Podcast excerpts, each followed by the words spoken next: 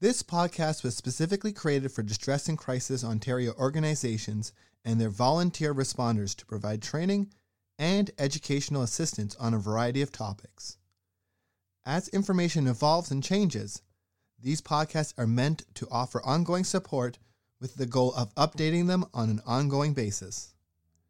We thank the volunteer responders and the contributors to this podcast. Please visit our website, dcontario.org, for more information and how to access free mental health services. Thank you.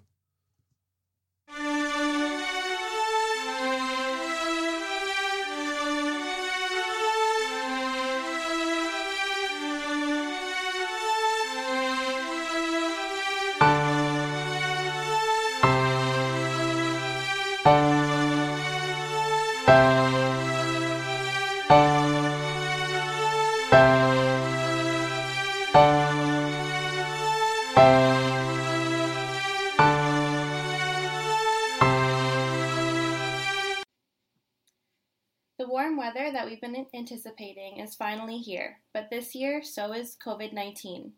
We want to be outdoors enjoying the summer, but it has become tricky when we're faced with safety precautions following the pandemic. Here with us today is Toronto's Associate Medical Officer of Health, Dr. Vinita Dubey. Dr. Dubey, thank you so much for speaking with us today. We appreciate you taking the time out of your schedule. Um, My pleasure. Thanks for having me. So, a big question right now is about what is safe and what is not to, safe to do. So, it's warm, it's sunny outside, but we are still technically in a lockdown with some restrictions being lifted. So, what can we expect for the next few weeks to look like in terms of going outside and enjoying the weather while practicing social distancing measures? Oh, we all know that being outdoors is really helpful for your mental health. And so we really are encouraging um, people to take advantage of the weather and to be outdoors. That said, we have to be able to be outdoors uh, in a new way um, to be able to make it safe. And so, as you said, while outdoors, we have to be able to practice physical distancing. So, we have to be able to keep that six feet distant from others. Um, if we're on a trail or we're on the sidewalk and we're walking or uh, we're in a wheelchair or we're running or biking, it's okay to politely sidestep to pass someone. The risk of getting COVID that way, spreading COVID that way, is actually quite small. Um, and so, much as we can, we want to keep a physical distance. But as well, we want to make sure that we don't go out if we're sick. So we have any symptoms of COVID, uh, a sore throat, not feeling well, a fever, well, then it's t- that day means it's time to be indoors and actually to get to the outdoors, uh, enjoying indoors is not risk to others. We, all, we also want to make sure that we're uh, being mindful of washing our hands because we're going to have to wash our hands a lot more this new state. And so when you come indoors from outside, wash your hands. Going outdoors, if you're going outdoors to pick up some groceries or to go shopping, mask with you, your cloth mask. Because if you end up in a situation where physical distance, like in a grocery store or if you have to take an elevator to be able, or you know, going definitely mask, mostly to protect others. That was great. Thanks so much. Another question that I had for you since the warmer weather has only just recently come around, um, the sidewalks do seem a little bit busy, the parks as well. So, if we're hesitant to kind of go out and enjoy that right now, what can we expect for uh, the short and the long term future so that we can still enjoy our summer months? It's only been less than a week that parks and their amenities have actually been opened. And so I, I think that the more we have other public spaces where people can go to be outdoors and to get um, physical activity, it will take um, some of the traffic off of things like sidewalks. Um, there are, though, other ways to enjoy uh, being outdoors. Uh, you know, cycling is a really good way uh, to get around if you're able to do that. Um, and going to parks, you can certainly um, go with your family and take your own equipment and you know play with a ball or um, play games or um, enjoy walking inside the park as well those are other ways that you know we have to be able to adapt to um, be able to maintain physical distancing. Definitely, one of our recommendations is if a park is too busy, if wherever you are is too busy, and you're not able to maintain that physical distance, then leave uh, you know come back at another time uh, rather than putting yourself or others at risk and i think this message is particularly important if you have a, a chronic health condition um, where if you were to get COVID, you could get a very severe illness. And so um, you, you need to be able to take even extra precautions in those situations. Now, we do say that if you're in a place where it's difficult to maintain your physical distance, that wearing a mask is helpful because it keeps your germs to yourself. But again, if you can avoid those situations in the first place, that, that would be ideal. That's great. Another thing that we might be wondering right now is with everyone going outside, you know, to the parks and, you know, just spending more time kind of um, around more people, do you think that there is a higher chance that we might face a second wave or, you know, a, a large spike of the virus again? Usually, the way pandemics work is you have a first wave, and then there may be maybe some sort of a gap and then you get a second wave. And so that's the way pandemics tend to work. So we can expect that there will be a, a second uh, wave of the pandemic. We certainly can't predict when it will happen. We do know in the fall, um, should the second wave come then, it would also be difficult because we know in the fall, especially the late fall, that other respiratory infections tend to spread there, spread then. So things like our regular common cold or influenza. Um, um, start to spread, and they can make people sick as well. And so uh, we ha- we have to be able to plan and to anticipate that if COVID COVID is on the decline, that it will come back.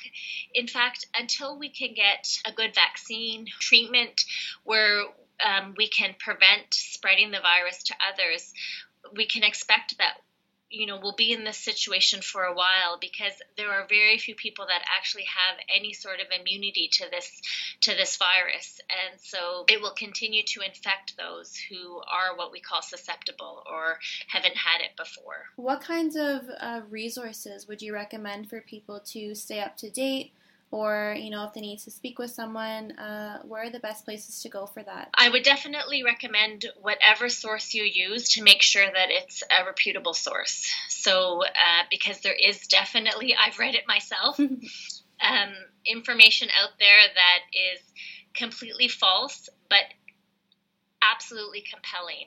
And so you can read it and it makes a lot of logical sense but actually there's not a lot of truth to it. And so we have to make sure that we're getting our information on this virus and what the recommendations are from uh, good sources. Uh, definitely, if you live in Toronto, uh, Toronto Public Health's website uh, is something that we update regularly. Uh, I certainly provide content for that website, as do many of my colleagues, to be able to make sure that we keep uh, the information on there current and up to date, and that we're constantly editing and modifying it. We also have a hotline uh, in Toronto, so anyone who has a question could, or, or they want clarification, could call us. Um, the number is 416 338 7600. And in, Ontario, telehealth is also another good source um, if you're if you're not sure, especially if you're wondering whether you need uh, health care. But beyond that, the Ministry of Health has uh, some good information. The Public Health Agency of Canada has good information, and the Centers for Disease disease control in the US, while it's a US based uh, recommendations, which are sometimes different from us, has some good science information as well. But I would avoid people relying on Facebook or Instagram or other social media accounts to get their information, or if they get it from there, to, to check it to see if it's actually correct. Perfect. So, what I'm getting from this conversation is that if we stay up to date on official, reputable sources and we're not leaving the house if we have any symptoms, that it's actually okay to go outside, go to the park, and it's okay to be um, walking on the sidewalk enjoying the weather as long as we're taking precautions. Is that correct then? Yes, that's correct. And the only caveat there is if you're particularly at higher risk for the infection, well, even being outdoors, going to a park might be something that might even be something that you might not want to do. You might just stick with your balcony or your backyard. And so those would be people who have a chronic health condition, who have a weak immune system. And even by age, if you're 70 or older, we know that this virus is hitting older people. And when they're getting it, they're getting quite sick. And so if you're in any of those groups, that just might be your caution to um, really venture outdoors too much. Perfect. I think you answered a bunch of great questions. I also just had one more comment. I saw that you were doing a was it a live uh, q&a coming up? Can you tell us a little bit about that? Yeah so um, for a few weeks now um, through 680 news uh, it's been a, a live uh, question and answer where uh, members of the public provide their questions to uh, 680 news and i'm on for half an hour and and can answer the questions. So again that's a really great forum i love doing it because i love being able to hear the questions that people have and to be able to answer them. And I love that that it's very engaging that people people have really really good questions and they're earnest about getting um, the right answers and so there is no question that um, it, it, every question is a good question and so again i would definitely encourage that that's another way to be able to kind of engage with toronto public health and to be able to get your questions answered perfect thanks so much dr dubey this was a very very good conversation. I really appreciate your time. My pleasure. Have a great day, Caitlin. You too. Thank you so, so much. Okay, bye-bye. Bye. Hi, I'm Damien, one of the editors of the DCO Learning Forums podcast. Over the past year, we've been busy converting our Learning Forums series of videos into podcasts and thinking of new ways to continue delivering new and more in depth content. We've seen the demand, and we're announcing our move to Pinecast and our new tip jar function. Please consider going to tips.pinecast.com slash jar slash distress and crisis Ontario and donating. And in return, we'll be recording new follow up episodes on some of our most popular topics. These will be accessible for tippers only and will help pay for travel, web hosting, etc. For the interim, you'll still be able to access existing content on both on both the Pinecast and Fireside feeds for free, but eventually we'll be making the switch to Pinecast. Thank you for your understanding.